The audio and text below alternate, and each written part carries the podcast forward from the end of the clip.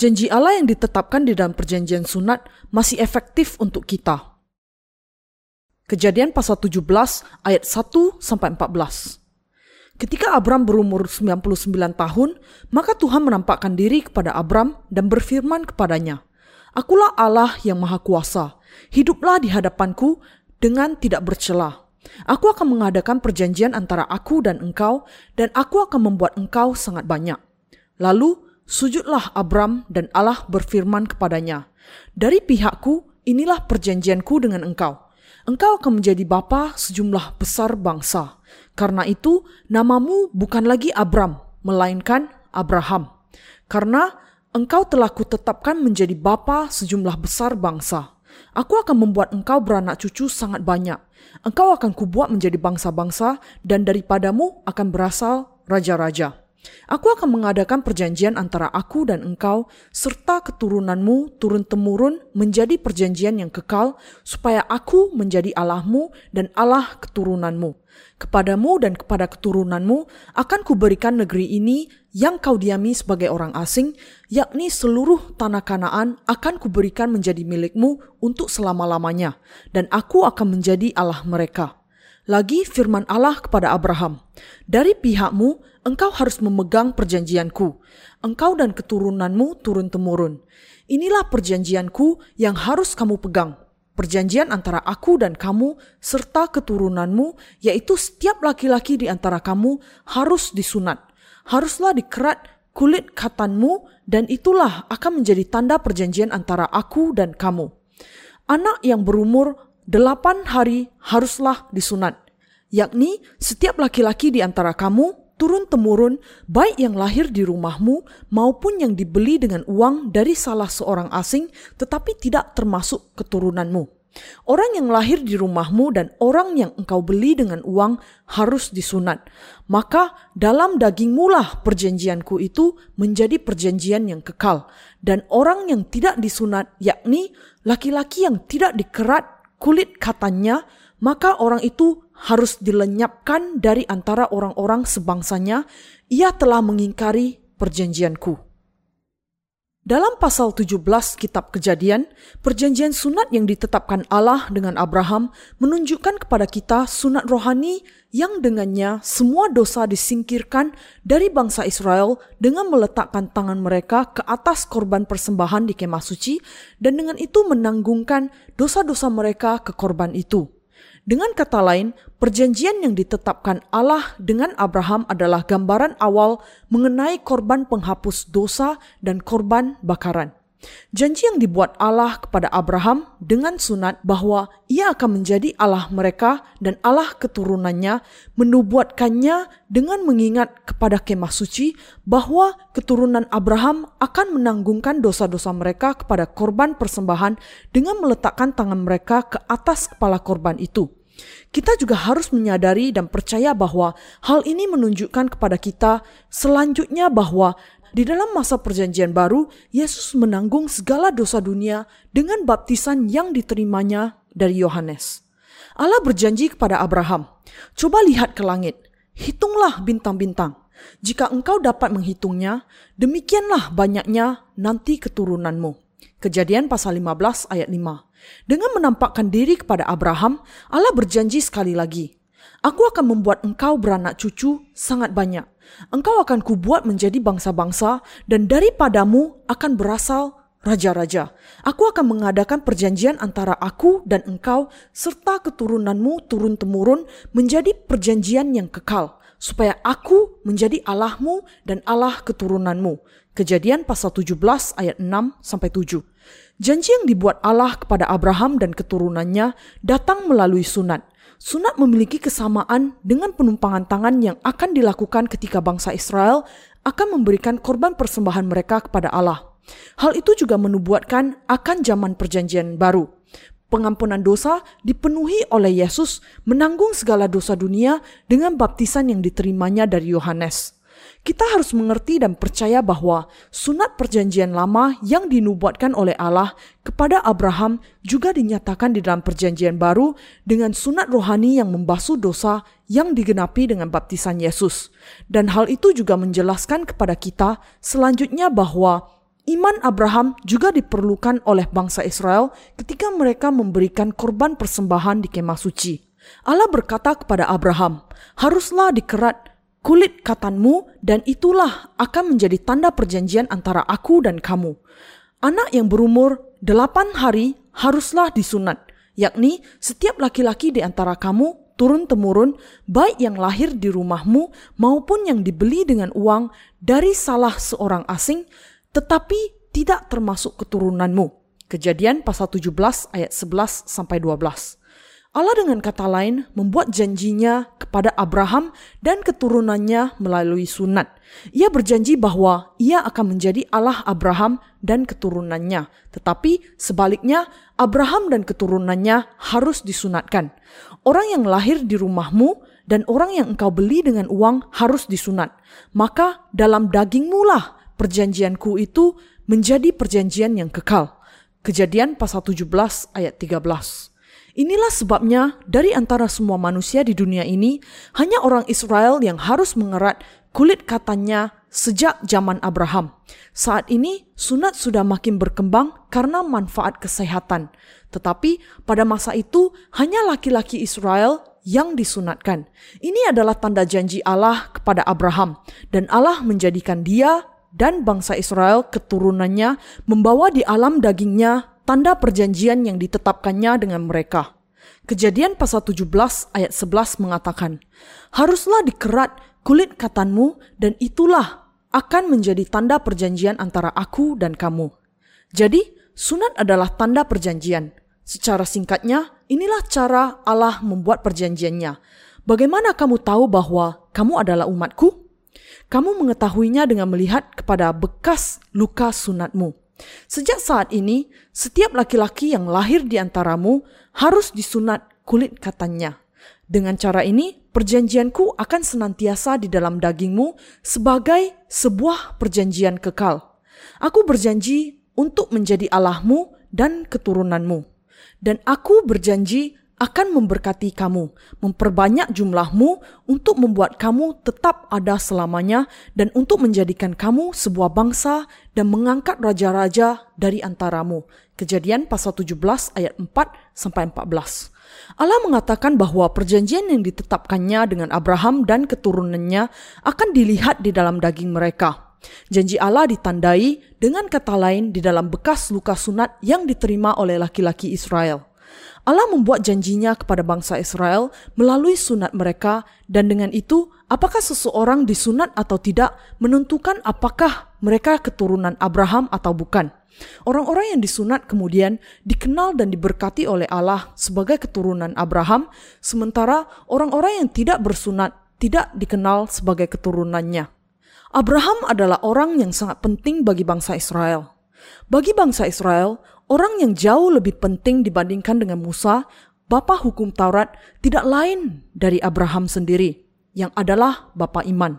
Meskipun ada banyak orang Israel yang tidak mengenal Nuh, hanya sedikit kalau ada yang tidak ingat lagi kepada Abraham. Hanya sedikit saja di antara mereka yang mengenal Shem, Shed, atau Metusalah. Tetapi Abraham tetap menjadi bapa iman yang tidak akan terlupakan dari seluruh orang Israel. Mereka semua mengenal, percaya dan mengikuti dia sebagai bapa dari bangsa mereka. Dengan demikian, perjanjian yang dibuat oleh Allah melalui Abraham masih tetap efektif.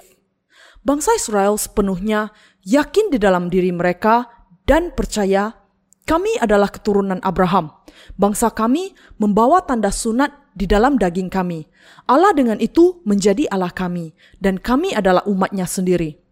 Alasan mengapa bangsa Israel menganggap diri mereka sebagai umat pilihan adalah karena mereka masih percaya kepada perjanjian yang ditetapkan oleh Allah dengan Abraham melalui sunat.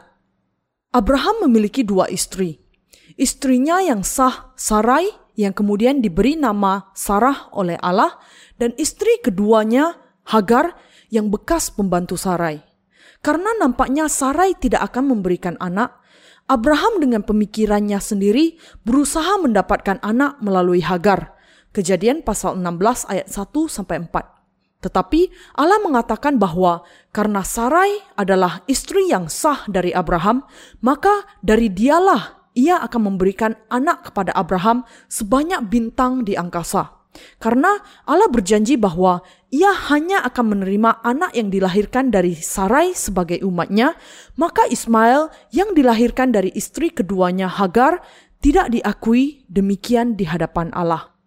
Kalau orang Israel tidak disunat, janji yang diberikan Allah kepada mereka tidak akan menjadi efektif. Allah memerintahkan agar mereka disunatkan sebagai tanda dari perjanjiannya sehingga perjanjian ini akan tetap ada di dalam daging mereka. Dengan itu, bangsa Israel dipastikan akan menjalani sunat. Karena keadaan tidak bersunat akan menjadikan janji Allah menjadi tidak efektif. Mungkin tidak ada seorang pun di antara bangsa Israel yang tidak disunat, karena mereka sangat mengerti bahwa tidak bersunat adalah sama seperti bangsa-bangsa lain yang kepada mereka janji Allah sama sekali tidak ada hubungannya. Sunat rohani Perjanjian yang ditetapkan Allah dengan Abraham dan keturunannya sudah sepenuhnya dipenuhi melalui pengampunan dosa yang digenapi oleh Yesus Kristus ketika ia datang ke dunia ini dan menanggung segala dosa manusia dengan dibaptiskan oleh Yohanes Pembaptis. Allah mengatakan kepada bangsa Israel untuk membuat pintu gerbang perantara kemah suci dan layar tutupnya dengan kain biru dan kain ungu, kain kirmizi, dan dari lenan halus yang dipintal benangnya. Keluaran pasal 26 ayat 31, pasal 27 ayat 16. Melalui bentuk yang sangat terperinci di dalam kemah suci ini, Allah sudah mengajarkan kepada kita keselamatan yang datang melalui Yesus Kristus. Mereka yang percaya kepada kebenaran bahwa Tuhan datang ke dunia ini menanggung segala dosa manusia dengan baptisan yang diterimanya dari Yohanes ketika berusia 30 tahun, mati di kayu salib, dan dengan itu mengampuni segala dosa kita. Mereka semua adalah keturunan Abraham. Allah sudah menjadi Allah mereka yang percaya kepada kain biru dan kain ungu, kain kirmizi, dan dari lenan halus yang dipintal benangnya di dalam kemah suci. Dengan percaya kepada baptisan Yesus, kita semua harus mendapatkan sunat rohani. Sunat rohani ini tidak lain dari mengerat dosa-dosa di dalam hati kita dengan percaya bahwa segala dosa kita ditanggungkan kepada Yesus Kristus melalui baptisannya. Roma pasal 2 ayat 29. Dengan itu, mereka yang sudah menerima pengampunan dosa saat ini dengan percaya kepada Injil air dan roh yang dinyatakan di dalam kain biru dan kain ungu, kain kirmizi, dan dari lenan halus yang dipintal benangnya adalah para raja di dalam kerajaan Allah dan anak-anaknya. Seperti yang dijanjikan Allah, daripadamu akan berasal raja-raja. Kejadian pasal 17 ayat 6. Umatnya memang akan berasal dari seluruh penjuru dunia. Kalau kita ingin menjadi keturunan Abraham, kita harus percaya kepada baptisan yang Yesus terima di dunia ini dan darahnya di kayu salib. Dengan itu, saya rasa teramat sangat penting untuk mengerti betapa pentingnya mengenal dan percaya kepada baptisan Yesus. Yesus Kristus adalah Raja segala Raja. Ia adalah Raja segala Raja yang mengenakan jubah ungu. Yohanes pasal 19 ayat 5. Yesus Kristus adalah Raja alam semesta dan Sang Pencipta. Ia adalah anak tunggal Allah, datang ke dunia ini dalam ketaatan kepada kehendak Bapa dan untuk menyelamatkan kita dari dosa kita, ia menanggung segala dosa kita melalui baptisannya dengan sekaligus. Untuk menghapus dosa-dosa kita, ia mengerat segala dosa dari hati kita dan meletakkan semuanya itu ke atas dirinya melalui baptisannya dan dihukum untuk segala dosa kita dengan mencurahkan darahnya di kayu salib. Dengan itu, semua yang percaya kepada kebenaran ini bisa menjadi keturunan Abraham. Abraham, keluarganya, dan keturunannya semua disunat secara fisik. Bahkan budak-budak yang dibeli dengan uang dari bangsa-bangsa asing juga disunatkan. Ketika mereka percaya kepada perjanjian dan kemudian disunatkan, bahkan orang-orang asing itu juga diberkati dan Allah juga menjadi Allah mereka. Demikianlah, hanya dengan iman kita bisa menjadi anak-anak Allah. Dengan iman kita diberkati oleh Allah, dengan iman kita bisa masuk surga, dan dengan iman kita semua hidup sebagai raja di dunia ini. Di masa Perjanjian Baru, iman ini adalah iman orang-orang yang percaya bahwa Yesus menanggung segala dosa dunia dengan baptisannya. Namun, beberapa orang mengatakan bahwa baptisan Yesus ini tidak penting karena mereka percaya bahwa mereka sudah diampuni dari segala dosa mereka hanya dengan percaya kepada darahnya di kayu salib. Meskipun mereka percaya kepada penumpangan tangan di atas kepala korban persembahan yang dilakukan di zaman kemah suci, mereka hanya menganggap sepele baptisan Yesus sendiri. Mereka kemudian mengajarkan bahwa karena iman Abraham diterima bahkan sebelum kedatangan Yesus yang pertama ke dunia ini dan bahkan jauh sebelum kemah suci Musa, mereka masih diselamatkan hanya dengan percaya kepada firman darah di kayu salib, bahkan tanpa percaya dengan jelas kepada firman baptisan Yesus. Tetapi kita harus ingat bahwa ketika Allah memerintahkan Abraham untuk membawa seekor lembu betina berumur tiga tahun, seekor kambing betina berumur tiga tahun, seekor domba jantan berumur tiga tahun, seekor burung terkukur, dan seekor anak burung merpati untuk membuat Abraham menyadari bahwa ia akan memberikan tanah Kanaan kepada Abraham dan keturunannya sebagai warisan. Yang dimaksudkan Allah adalah korban bakaran yang dipersembahkan dengan api. Kejadian pasal 15 ayat 17 mengatakan, ketika matahari telah terbenam dan hari menjadi gelap, maka kelihatanlah perapian yang berasap beserta suluh yang berapi lewat di antara potongan-potongan daging itu. Allah juga menerima korban bakaran Habel dan imannya, tetapi ia tidak menerima iman Kain yang tidak percaya kepada korban persembahan bakaran. Di antara orang Kristen zaman ini, ada terlalu banyak yang salah paham dan mengira bahwa mereka diselamatkan hanya dengan secara buta percaya kepada Yesus tanpa pernah disunatkan secara rohani dalam iman. Mereka hanya percaya kepada penyalipan Yesus tanpa percaya kepada kebenaran bahwa segala dosa mereka ditanggungkan kepada Yesus melalui baptisannya. Orang-orang ini tidak pernah bisa menjadi umat Allah karena percaya dengan cara demikian tidak pernah menghapus segala dosa dari dalam hati mereka. Seperti yang dikatakan Allah bahwa tanda perjanjiannya ada di dalam daging yaitu sunat, dengan demikian orang-orang yang tidak disunat tidak ada hubungannya dengan janji Allah ini. Bisakah manusia diselamatkan dari dosa tanpa percaya kepada baptisan yang diterima Yesus dari Yohanes Pembaptis? Bisakah orang-orang yang demikian menjadi anak-anak Allah? Bisakah mereka masuk surga? Bisakah mereka menjadi raja di dalam kerajaannya? Jawabannya sangat jelas sekali tidak. Di ayat yang kita baca tadi memberikan keterangan yang sangat jelas untuk hal ini. Saat ini, janji yang dibuat Allah kepada Abraham adalah janji yang sama yang diberikannya untuk Anda dan saya. Orang-orang yang sudah menerima pengampunan dosa dengan percaya kepada Yesus Kristus sebagai juru selamat kita di dalam baptisan dan darahnya di kayu salib. Untuk kita yang percaya, firman berkat yang dikatakan Allah kepada Abraham bisa diterapkan. Orang yang sungguh-sungguh percaya kepada Yesus tidak mengikuti doktrin buatan sendiri Firman Allah di dalam Alkitab adalah kebenaran yang pasti dan jelas tentang keselamatan. Semakin Anda membaca dan merenungkannya, akan menjadi semakin pasti dan semakin jelas. Di antara orang Kristen zaman ini, ada orang-orang yang imannya keliru, percaya dan mengikuti Allah dengan didasari oleh pandangan mereka sendiri dan tidak menyadari bahwa yang mereka percayai sebenarnya adalah salah. Dasar dari iman orang-orang yang demikian adalah salah. Percaya secara buta bahwa Yesus sudah menyelamatkan mereka mungkin cukup untuk memuaskan hati nurani mereka sendiri, tetapi mereka harus menyadari bahwa Allah tidak menerima iman mereka yang buta itu. Tuhan kita mengatakan bahwa siapa saja mau mengikuti Dia harus terlebih dahulu menyangkal dirinya dan memikul salibnya. Siapa saja yang percaya kepada firman Allah harus menyingkirkan pemikirannya sendiri dan percaya sesuai dengan apa yang sesungguhnya dikatakan oleh firman Allah. Saat ini, Anda dan saya harus percaya kepada pengampunan dosa yang diberikan Yesus Kristus dengan datang ke dunia ini, menanggung dan membawa dosa-dosa dunia dengan baptisannya, mencurahkan darahnya di kayu salib, dan bangkit kembali dari kematian.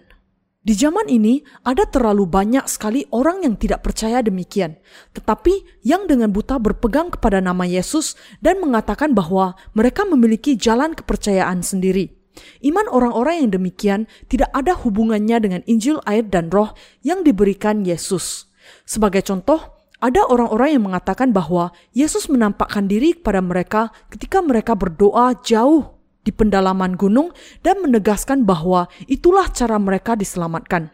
Contoh yang lain, ada orang-orang yang mengatakan bahwa dosa-dosa mereka dilenyapkan ketika mereka datang ke gereja, berpuasa dan berdoa semalaman, karena mereka sangat berduka atas dosa-dosa mereka yang tidak bisa mereka hilangkan dengan doa-doa pertobatan mereka.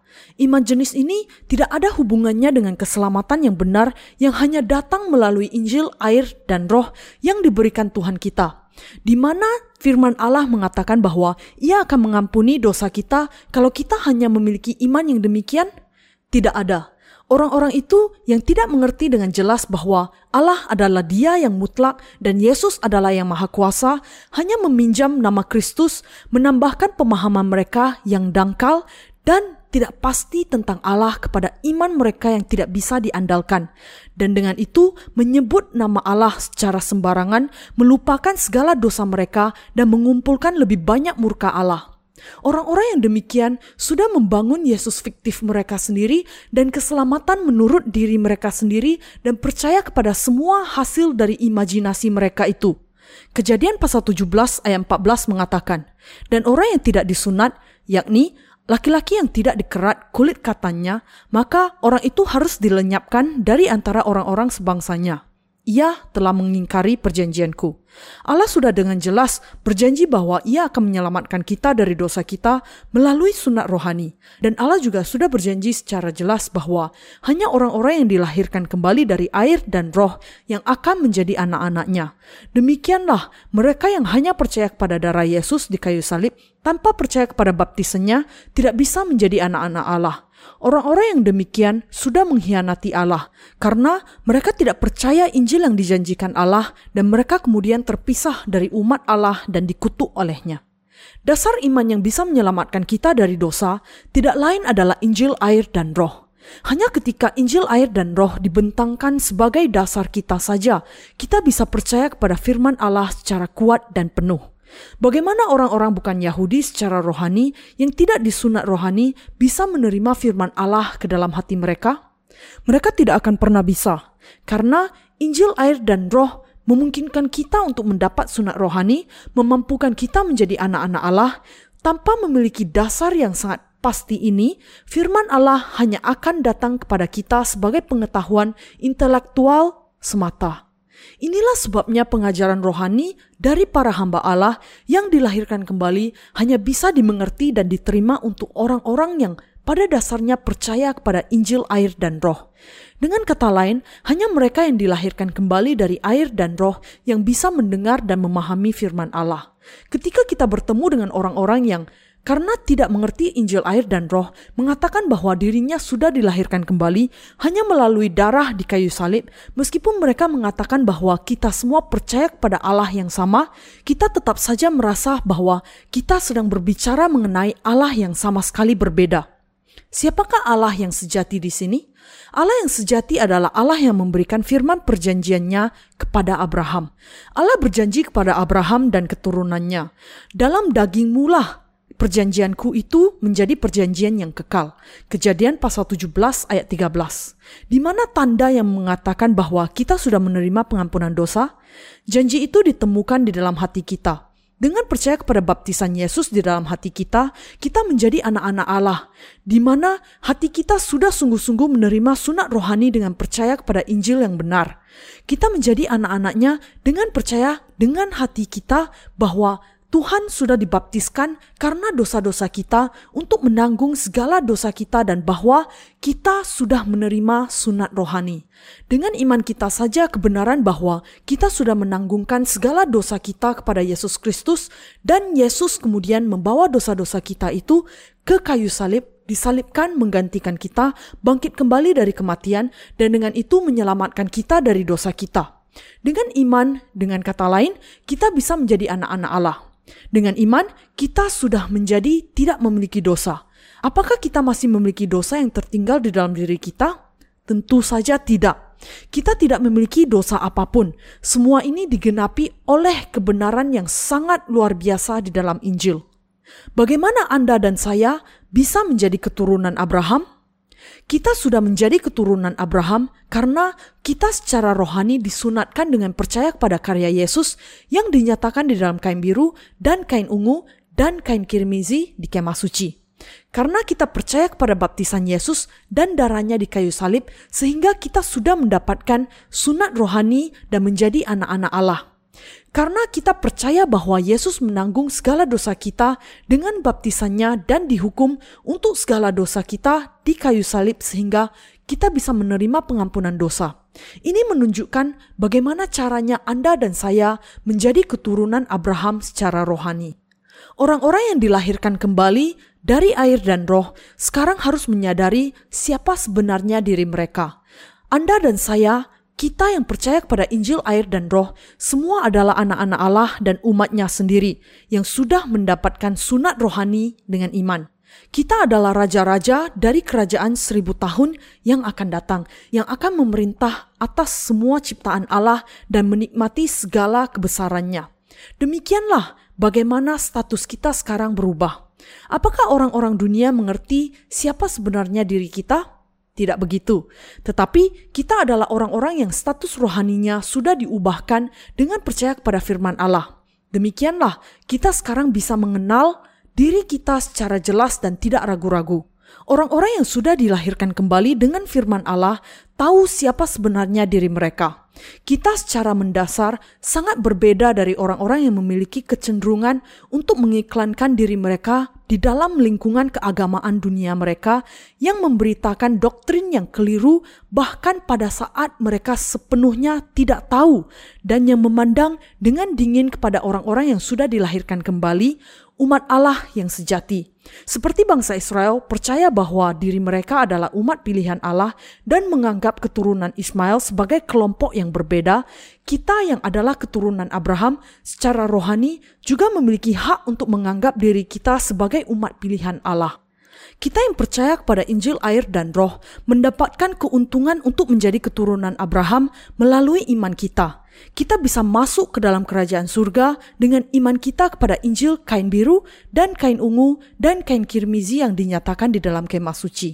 Dan sama seperti Allah berjanji kepada Abraham bahwa ia akan menjadikan keturunannya sebanyak bintang di angkasa, kita bisa menyaksikan dengan mata kita penggenapan yang nyata dari perjanjian ini bagi kita. Inilah berkat yang dicurahkan Allah kepada kita. Melalui sunat di dalam hati kita, Allah sudah menyelamatkan kita dari dosa dunia. Dan sunat iman ini terjadi karena kain biru dan kain ungu, kain kirmizi, dan dari lenan halus yang dipintal benangnya yang bisa dipakai sebagai bahan untuk pintu gerbang kemah suci.